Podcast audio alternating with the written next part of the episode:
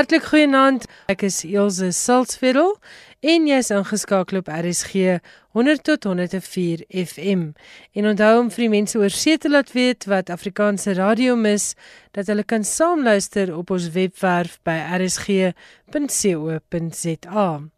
In se program gesels ek met Pat Stamatelos oor haar nuwe roman. Ek gesels ook met Moira Fischer, 'n skrywer van Kaapstad, oor haar aangrypende nuwe roman oor obsessief-kompulsiewe stoornis. In die tweede helfte van die program gaan ons luister na 'n gesprek uit Nederland wat by die onlangse Afrikaanse fees daar plaasgevind het en Johan Meiburg is ouer gewoond in die ateljee met sy internasionale boeke nuus.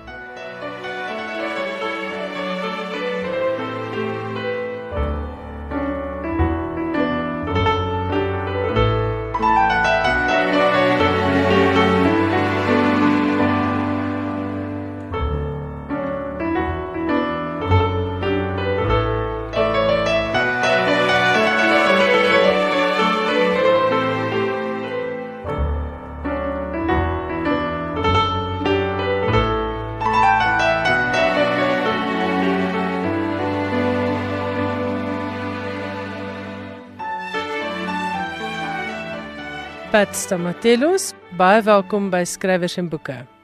Baie dankie, Ilse. Ons gesels vanaand oor jou 8ste boek, Aankoms en Vertrek.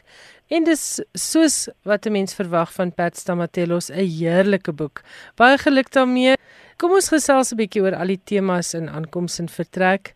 Dit is die verhaal van 'n broer en suster wat hulle ouers verloor het. Saam met die verlies van hulle ouers is daar ook al hierdie onderstrominge tussen die twee van hulle. Die suster kom huis toe van oorsee waar sy vir 'n paar jaar gewoon het. Sy kom terug na 'n land wat heeltemal verander het, na 'n gewese geliefde. Sy kom terug na 'n broer wat nou nie eintlik bly is om haar te sien nie. En hy het sy eie demone om te besweer. Waar het die tema vir aankoms en vertrek ontstaan? Weet jy dit het ontstaan deur 'n boek wat ek gelees het van Helene de Kok dankie Helene, waar iemand ook terugkom, sy het 'n buiteegtelike kind en sy kom terug. En net die hele idee van iemand wat terugkom na 'n leehuis, dis net is net 'n gedagte wat my aangegryp het. En ek het toe gedoog maar miskien kan ek ook skryf vir iemand wat wat terugkom en nou maar so baie vrae het ontstaan, waarna toe kom sy terug? Hoekom kom sy terug? Wat is daar as sy nou terugkom? Is daar iemand in die huis? Is daar nie iemand in die huis nie? Ek was net 'n gedagte wat my opgekom het. Weet jy partykeer lees 'n mens 'n paragraaf in iemand se boek. Jy lees 'n sin, miskien is dit iets wat iemand sê en dit is net soos 'n liggie wat hier aangaan in jou kop en dink jy wel, miskien kan ek iets daarvan maak, miskien kan ek daaroor skryf. Dit is hoe dit ontstaan het. En natuurlik die reënbeer, die reënbeer was vir my heerlik om oor te skryf. Dit het my teruggevat na die Kaap toe. Die hele idee van die reënbeer het ek gesteel by Helena Hugo uit die boek Rachel waar dit ook so gereën het en ek het die, die strome in die reën en die water en die modderpoele en en alles gevat en dit geskryf in my boek. En dit was dit was heerlik. Dit het 'n heerlike agtergrond gemaak. En dit het vir my net laat voel dat ek weer terug is in die in die koue Kaap. Maar dit was 'n lekkerter geweest. Ja, en die reën is ook 'n bydraende faktor tot die atmosfeer in die boek. Dit is en dit ja. skets ook vir ons daai hartseer agtergrond en die mistroostigheid. Ja. Kom ons praat oor hierdie temas verlies, versoening, afskeid, vertrek, nuwe beginne en en eindes. Is dit vir jou belangrik om altyd met metafore en sterk temas in jou boeke te werk al skryf jy baie deernisvol en warm en selfs soms tong in die kies?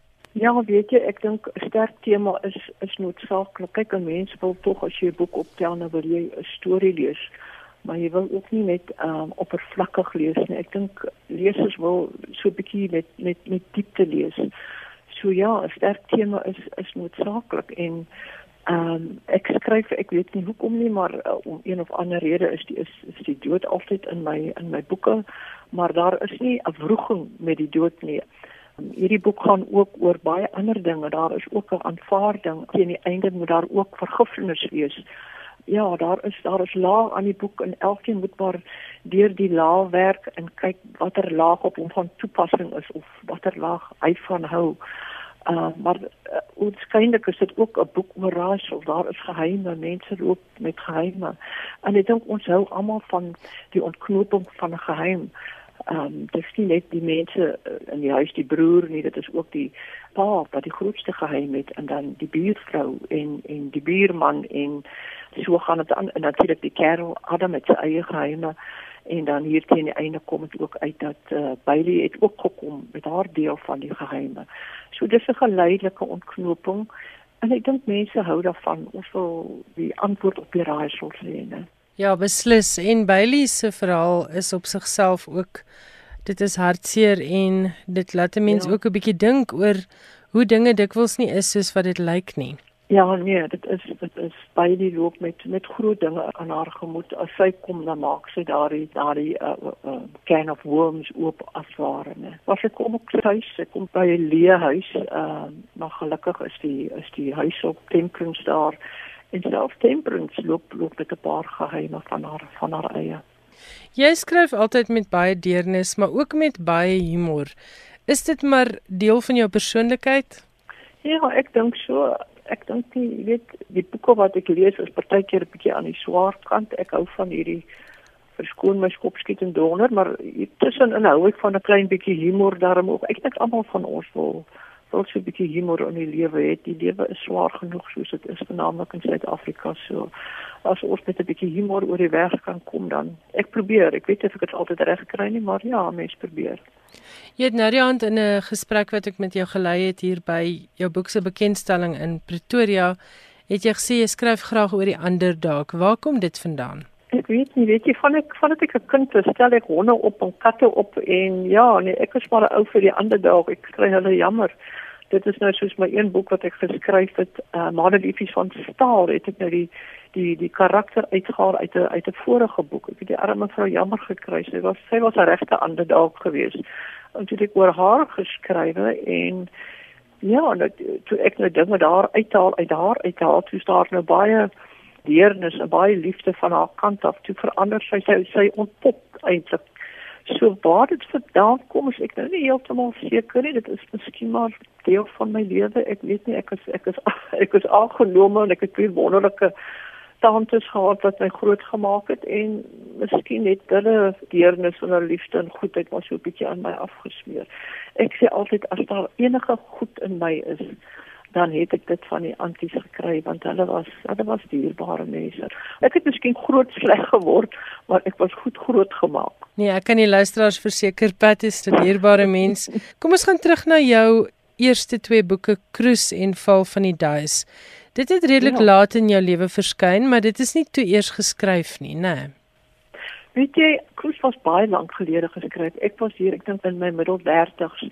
Dit was ook nie geskryf om 'n boek te skryf nie. Dit was eenvoudig om om dinge te verwerk, die dood van my ma, uh, wat ek nooit nooit nooit kon kon verwerk tot op daardie punt nie. Ek het toe begin skryf en dit het gelees seker 'n goeie 20 jaar dink ek voordat ek dit nou uh vir die tweede maal aangestuur het vir vir publikasie. Die eerste keer was dit afgekeur.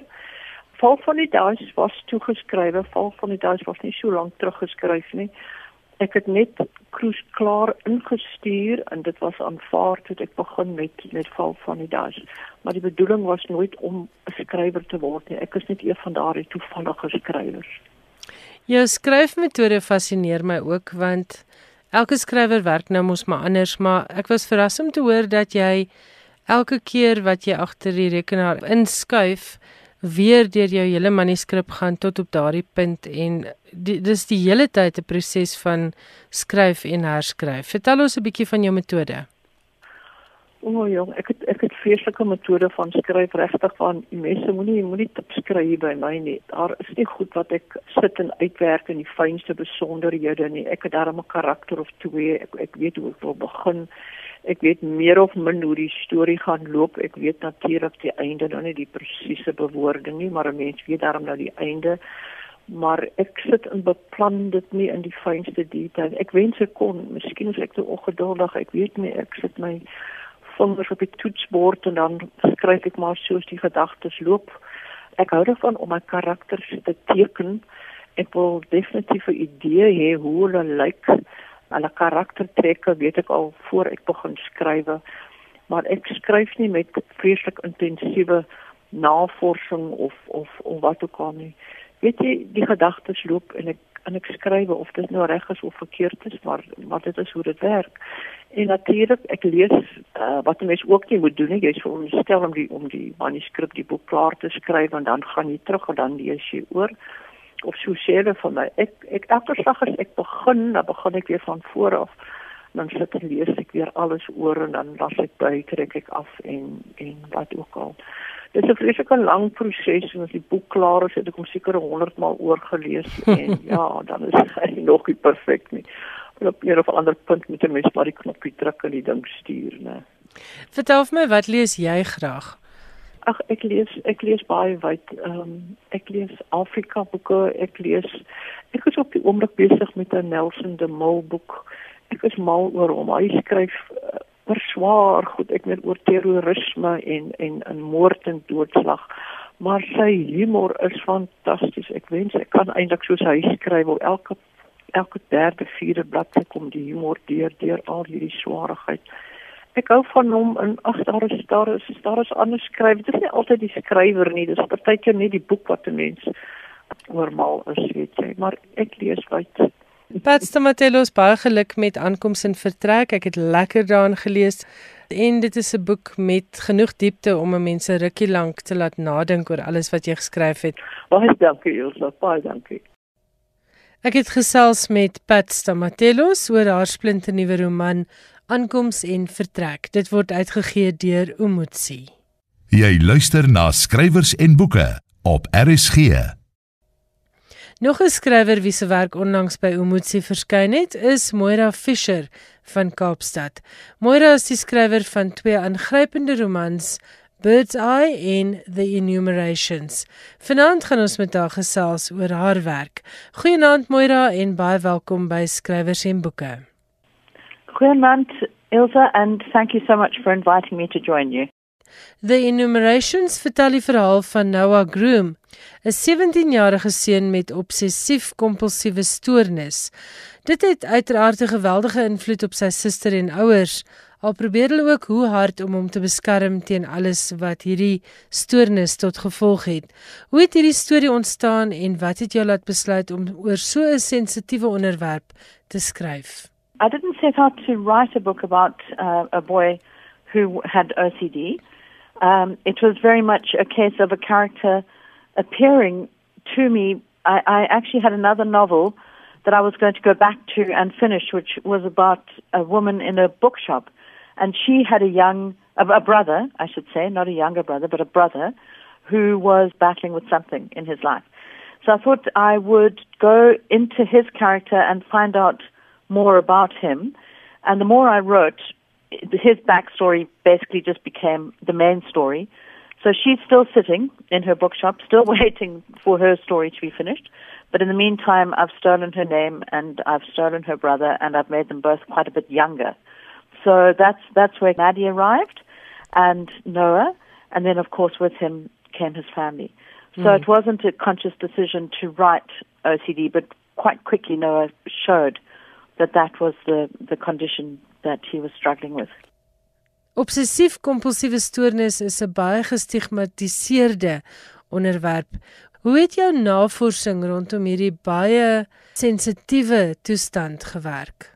It was very important to me that I research it as thoroughly and as meticulously as I could. So I think there's a huge amount of information on the internet, which I was very able to access, and through some really good um, OCD organizations attached to many of those were forums where I could go and read what family members were saying about family members. You know, moms talking about their sons or siblings talking about their brothers or sisters.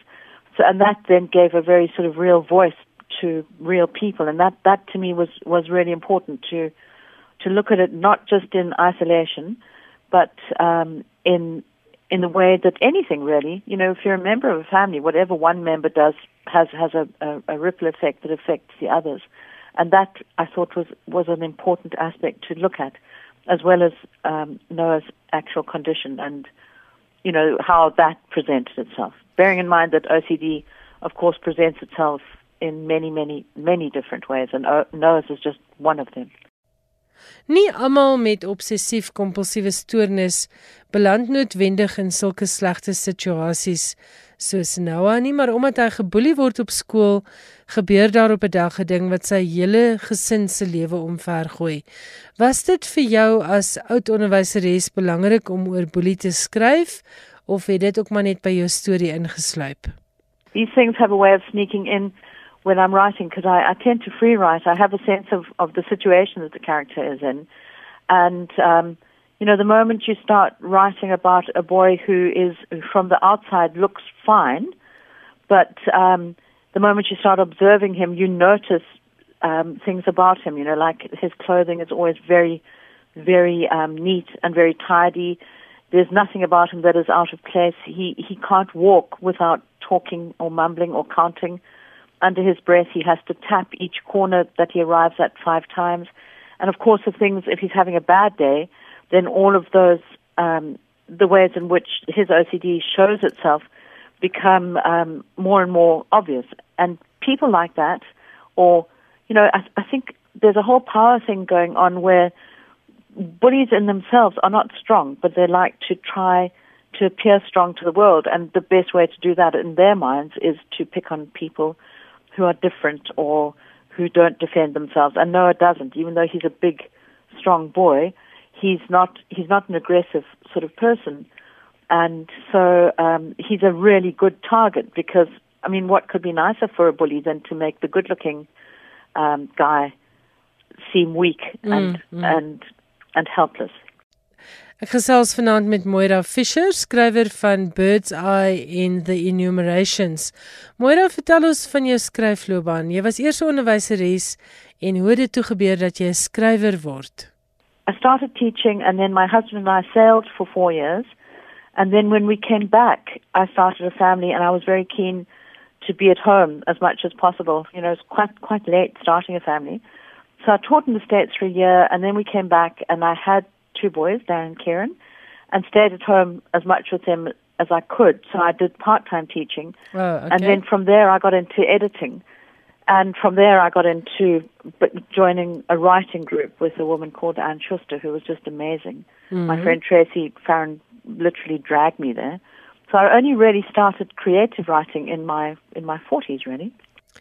Birds Eye wat 'n paar jaar gelede verskyn het, was jou debuutroman en dit is baie goed ontvang deur lesers en resensente. Vertel ons 'n bietjie meer daaroor. Oh well. you know, talking about those novels in my drawer, I started three novels and Bird's Eye was one of them. And I can remember saying to Anne Schuster, my writing teacher at the time, that if I didn't finish one novel, I was going to stop telling people that I was writing a book. Mm-hmm. So uh, on one of her writing retreats, I just picked up that story and, and I knew there was some tough writing. I think that's what stopped me actually was there was some very tough writing that had to be done. So I just put my head down and motored, motored through that writing. And of course, um, all the things that happened happened in really happened in that six six day writing retreat. And um, then off off she went to Amuzi to Free Freewater at at Amuzi, um, who liked it and published it. So I was very very lucky I, I didn't have to really go through the whole, you know, sending off and waiting. And uh, they, they said that they would like to read it, and having read it, accepted it. So I was I was very lucky as far as Bird and Bird's Eye was concerned. And yeah, people people seem to have really liked.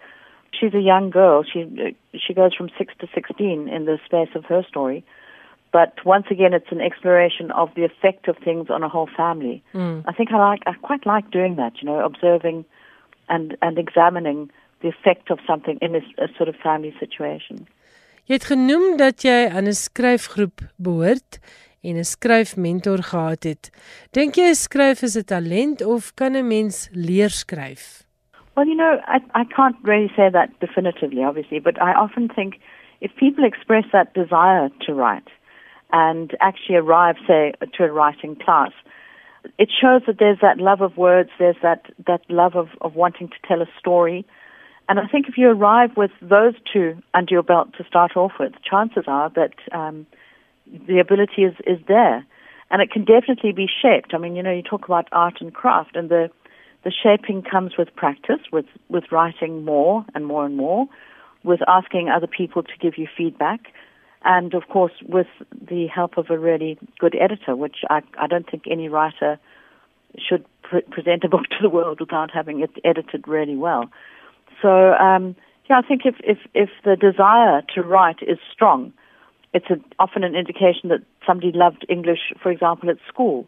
Mm. And um, and then the stories are there waiting to be told. And if you have a story that's waiting to be told, but you aren't the world's best writer, then the way of doing it then is to get a good writer to help you to tell your story. There's all sorts of ways of getting stories out mm. and into the world.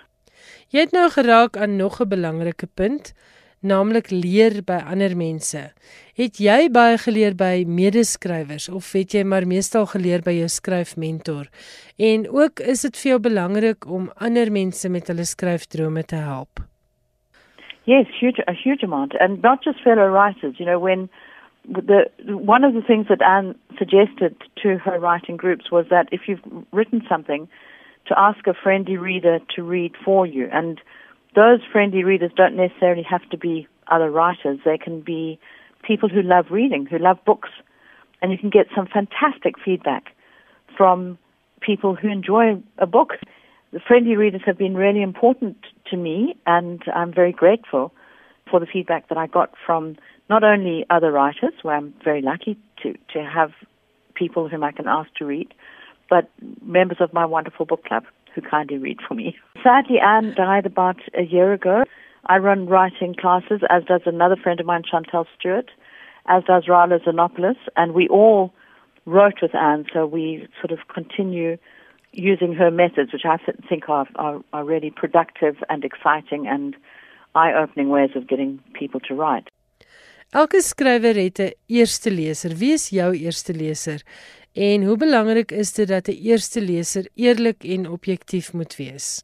Very very very first reader is usually my son, Daniel. Yeah. He's he's got a very good eye and he's also very honest despite the fact that it's his his mother asking mm. him for information. A, a really good thing to do if you're asking somebody on that on those grounds to read for you is to give them a list of questions so that you are saying to them by by asking them questions you're saying look I really do want to hear what you have to say about this. And please don't think that because I'm your friend or, for that matter, your mother, that you have to be sort of diplomatic. You really want people's feedback. And it's good to ask them about what works as well as what doesn't work. En die skrywer wat so lekker gesels het is Moira Fisher, skrywer van Bird's Eye in the Enumerations. Albei boeke word uitgegee deur Umutsi. En vir ingeval jy na haar boeke gaan soek op die rak en nie dadelik haar naam Moira raak sien nie, let daarop dat dit gespel word op die Ierse manier, naamlik Mer, M A I R E. Moira Fisher gespel M A I R E Fisher. Ek is Elsje Salzwetel en heel eerste op ons program is 'n gesprek wat Milton Webber vir ons opgeneem het in Nederland waar hy was by die Afrikaanse fees wat onlangs daar plaasgevind het. Hy gesels met Zelda Legrandsie oor al die draaie wat haar biografie al in die skryfwêreld gegooi het. Ons is hier by die Afrikaanse fees in Amsterdam en ek gesels hierso met eh, Zelda Legrandsie. Sy is natuurlik bekend as die persoonlike assistent van oud-president Nelson Mandela en sy het natuurlik ook die boek geskryf Goeiemôre meneer Mandela. Zelda, die boek wat jy geskryf het is in 12 tale vertaal. Dit is reg. Is daar enige interessante tale daar wat Ja, die laaste een wat bygelas was is Japanees en dit was nogal dit was nogal 'n oomblik wat ek self nie kon glo om die Japaneese vertaling vas te hou nie want hy werk natuurlik van agter af. Ek nie 'n woord daarin verstaan nie, maar um, ek was gefassineerd deur die hele proses ehm um, jy weet van die vertaling. Dit was nogal uh, anders as die ander tale was dit was dit baie werk geweest van die vertaler se kant af. Want dinge is nie regtig in Japanees voor die hand ligging. Jy weet as jy dis daar's niks soos 'n direkte vertaling nie. Mm. Um, en elke sin het 'n impak op die volgende sin of jy hoe jy die volgende sin interpreteer. So dit was nogal harde werk ehm um, jy weet van die vertaler en van my kant af natuurlik ook. So hulle ja. het jou baie eh, navrae by jou gehad oor Ja, ja, ja, en presies dan wil hulle presies weet Ehm um, jy weet wat het jy bedoel deur A B C te sê? Ehm um, want daai betekenis sal bepaal hoe jy daai sin vertaal. So dis baie interessant ook gewees. En die Japaneese is hulle redelik bekend met ons geskiedenis en bekend met Mandela. Kyk, ehm um, Madiba is maar oral oor die wêreld is is is hy baie geliefd en ehm um, Japan was natuurlik die jy weet een van die eerste lande, die eerste land wat ek oor see saam met Madiba besoek het op daai staatsbesoek in 1995. So die Japaneese is is baie hulle was baie lief vir hom. Hulle het baie bewondering vir hom gehad. Hoeveel hulle van die geskiedenis weet, is ek nie seker nie.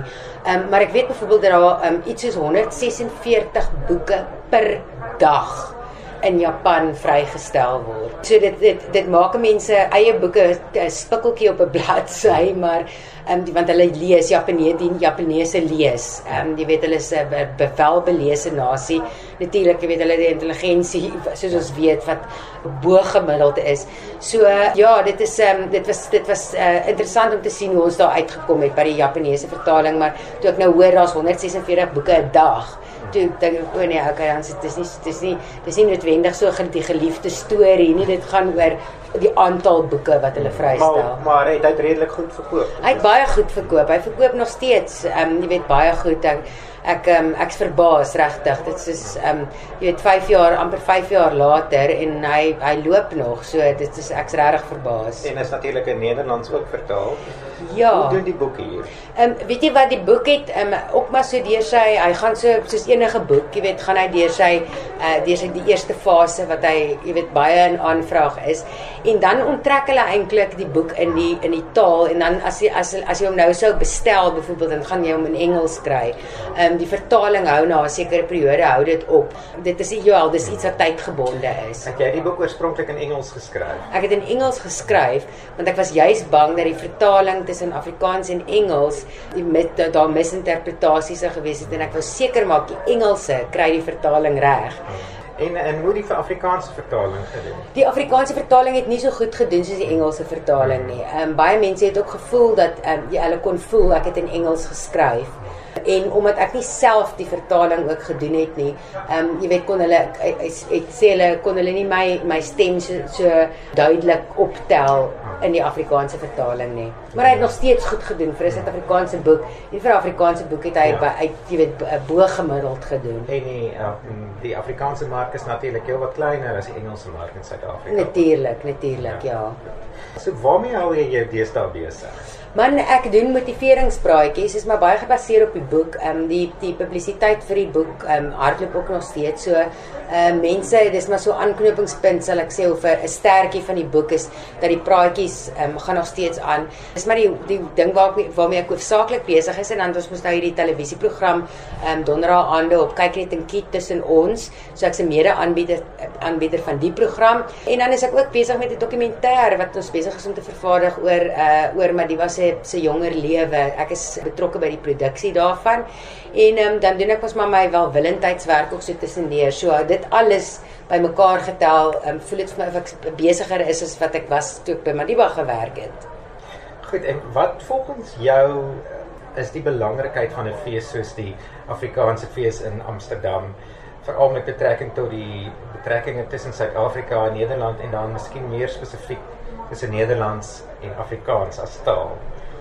Wel kyk, hierdie is die ehm um, die die wortels van Afrikaans. Dis vir jy weet waar, waar um, in Nederland. So daar sal altyd, jy weet, daar sal altyd die verbinding wees. Daar sal altyd die baie goeie verhouding die na uh, die hoe sê mense, dit sal dit sal altyd 'n baie goeie verhouding wees. Ehm um, dis natuurlik uh emosioneel ook. Is daar is daar is daar ook hierdie uh verbintenis tussen ons en die Nederlanders. En ehm um, mense voel, weet jy, dit is nogal een ek het vanoggend geloop en dink, mense vra altyd vir my, wat is my geliefkoeste stad in die wêreld? En dan kan ek hulle nooit regtig antwoord nie en dan praat ek maar so om dit en dan sê ek, maar Suid-Afrika, jy weet, is my my geliefkoeste plek in die wêreld. En as ek nou maar vanoggend loop ek en ek dink die stad my my my geliefkoeste stad is definitief Amsterdam omdat goed so bekend voel hier as gevolg van die taal. Ehm um, jy voel of jy in jou eie eie omgewing is. Dit voel soos jou mense omdat jy die taal kan verstaan. So so daar is 'n betreklike noue band tussen ons en die Nederlanders as gevolg van die eenvoudige ding die taal. En 'n fees soos hierdie wat natuurlik met daardie bande probeer versterk.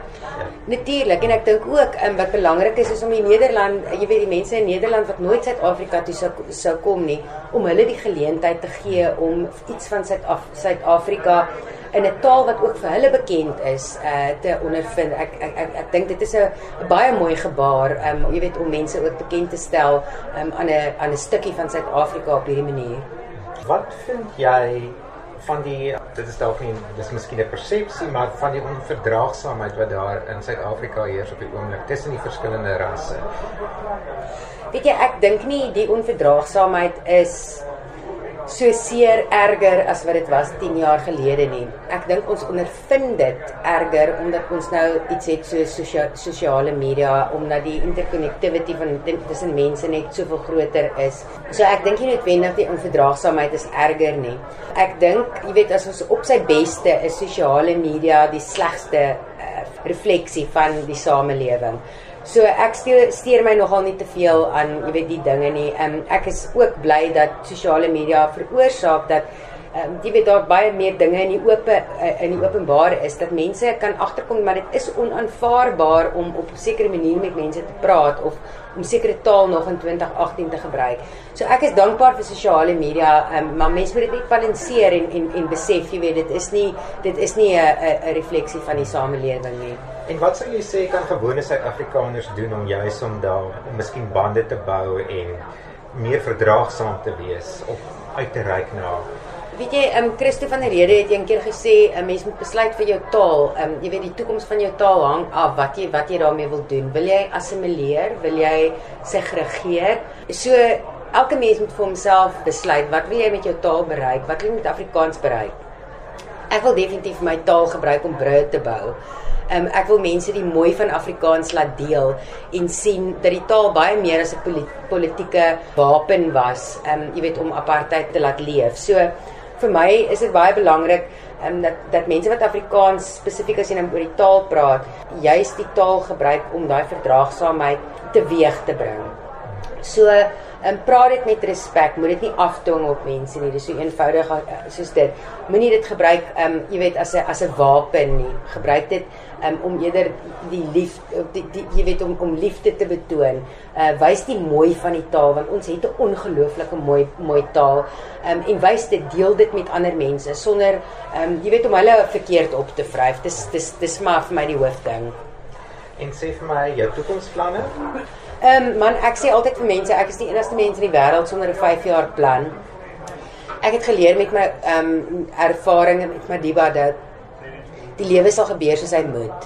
Jy kan plannetjies maak soos jy wil. Jy kan jy weet 'n 10 jaar plan hê alles reg maak vir jou 10 jaar plan, maar dinge gaan werk soos hy moet. Ehm um, en ek glo jy weet dat die volgende geleentheid of wat volgende met my moet gebeur, ehm um, in my pad op my pad sal kom en en en dan sal ek dit aanpak met dieselfde uh, wetywer en met dieselfde uh, entoesiasme as wat ek my werk met Madiba aangepak het. So Ehm um, ek sien uit na uitdagings. Ek sien uit um, om 'n deel te wees uh van uh die toekoms in Suid-Afrika. En mag ons dalk nog 'n boek uit jou pen sien? Ehm um, ek begin dink daaraan. Ek moet eerlik wees, ehm um, op hierdie stadium het ek nie eers tyd om ehm um, jy weet om om my e-mails te lees. Die so ehm um, ek ek, ek dink so na volgende jaar se kant, sal ek definitief begin begin kyk na na iets um, 'n opvolg miskien uh, ek het deur so baie ondervindinge gegaan van dit hierdie boek vrygestel is en daar's ook baie storieetjies wat ek vergeet het in die eerste boek. Um, jy weet dit was so gedrukte tot 'n uh, 'n drukte tyd gewees toe ek hierdie boek boek gepubliseer is. So um, ag en daar's baie foto's en goed wat ek kan deel. So ek ek dink daaraan.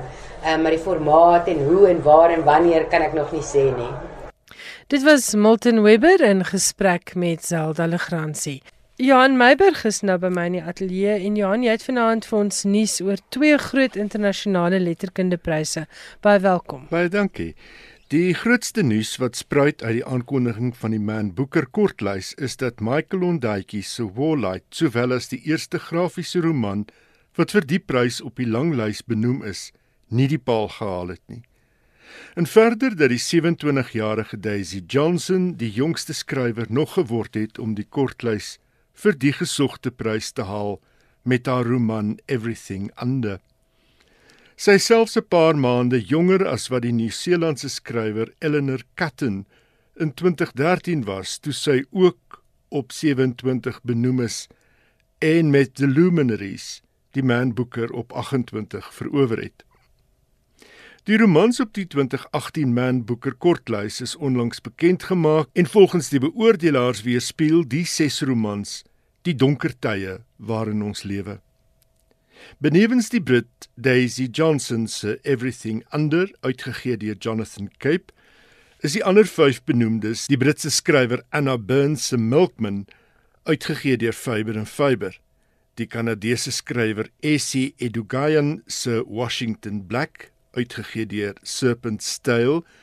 Die Amerikaanse skrywer Rachel Kushner se The Mars Room uitgegee deur Jonathan Cape die Amerikaner Richard Powers se Overstory uitgegee deur William Heineman en die Brit Robin Robertson se The Long Take uitgegee deur Picador. Johnson se roman Everything Under word beskryf as 'n moderne variasie op Sophocles se Oedipus waarin die wêreld met onheilspellende sensitiwiteit weergegee word. Johnson het met haar kortverhaalbundel Fen reeds heelwat aandag getrek en 'n gerfpryse ingeoes. Anna Burns se eksperimentele roman Milkman fokus op die lewe in Noord-Ierland soos gesien uit die perspektief van 'n jong vrou.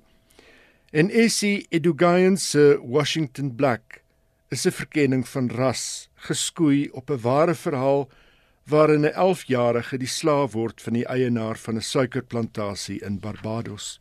Rachel Kusher se boek The Mars Room fokus op aspekte van gender en klas en Richard Powers se The Overstory gaan oor nege mense wat saamspan om die laaste paar hektaar van 'n inheemse woud te beskerm. Die Skotse digter Robin Robertson se eerste roman The Long Take in versvorm gaan oor 'n oorlogsveteraan se ervaring van posttraumatiese stres. Die boeke wat nie die kortlys gehaal het nie en waaroor 'n mens verbaas is, is Belinda Bauer se misdaadroman Snap en Nick Ndraso se grafiese roman Sabrina. Twee boeke in genres wat nie voorheen in aanmerking gekom het vir die prys nie. En nou sal ons tot 16 Oktober moet wag om te hoor wie die wenner van vanjaar se Man Booker is. En dan het jy iets oor die Britse Goldsmith prys. Die Britse Goldsmiths Prys is 'n prys wat onlangs in 2013 tot stand gekom het met die doel om die moontlikhede wat die romanvorm bied te ontsluit.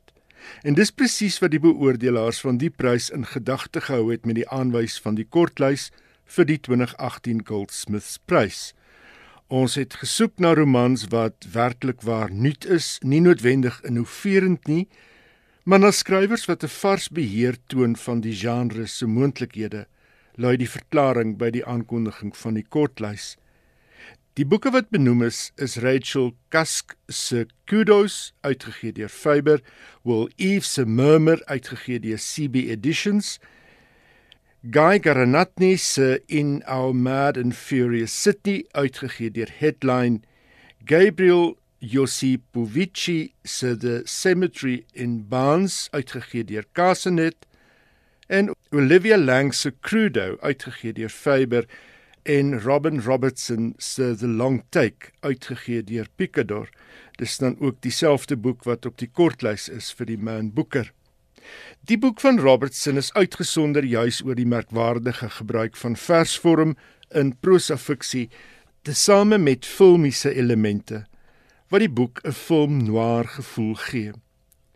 Olivia Lang gee in haar Crudo En verwysings na Virginia Woolf se Mrs Dalloway kruip deur 'n beskrywing van 'n vrou wat 'n swak het vir Twitter, wat op die punt staan om te trou en wat 'n partytjie beplan.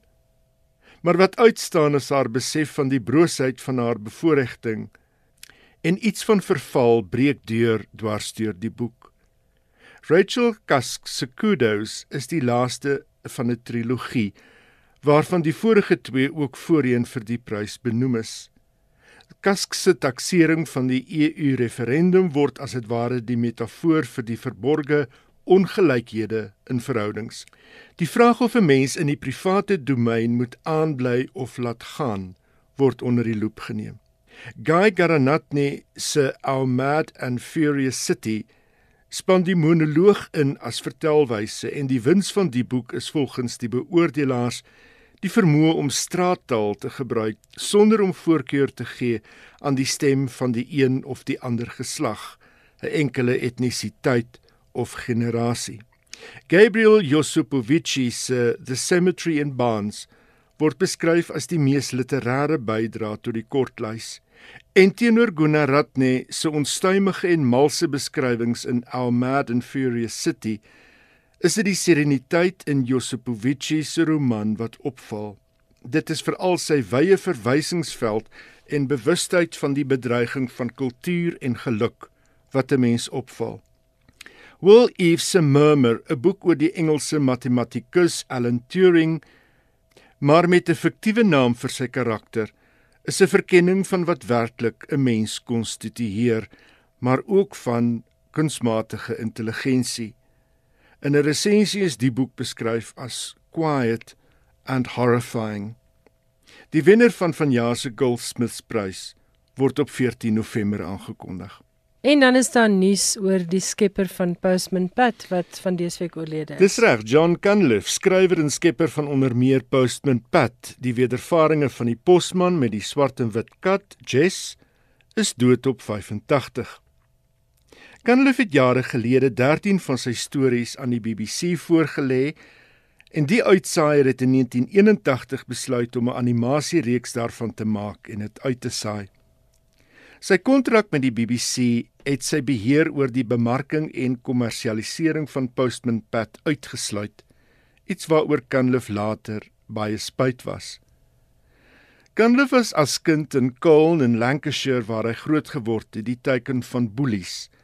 En in Postman Pat het hy, soos hy gesê het, 'n idilliese omgewing geskep in die dorpie Greendale, 'n gemeenskapie waarin almal gelukkig was en waarin niemand iemand anders se bril gebreek het net omdat hulle kan nie.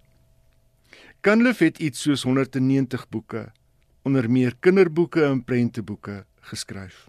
Sjoe, 190 boeke. Dis baie indrukwekkend. Johan, baie dankie. Ons gesels volgende week weer. Baie dankie. Daarmee het ons dan aan die einde gekom van Finansies skrywers en boeke. Baie dankie dat jy saam geluister het. My e-posadres is skrywersенboeke@rsg.co.za of jy kan 'n SMS stuur na die ateljee. Die nommer is 45770. Ek is Elsje Salzwetel. Ek groet tot volgende Woensdag aand om 8uur wanneer dit weer tyd is vir skrywers en boeke. Lekker luister na die res van Finansies programme. Totsiens.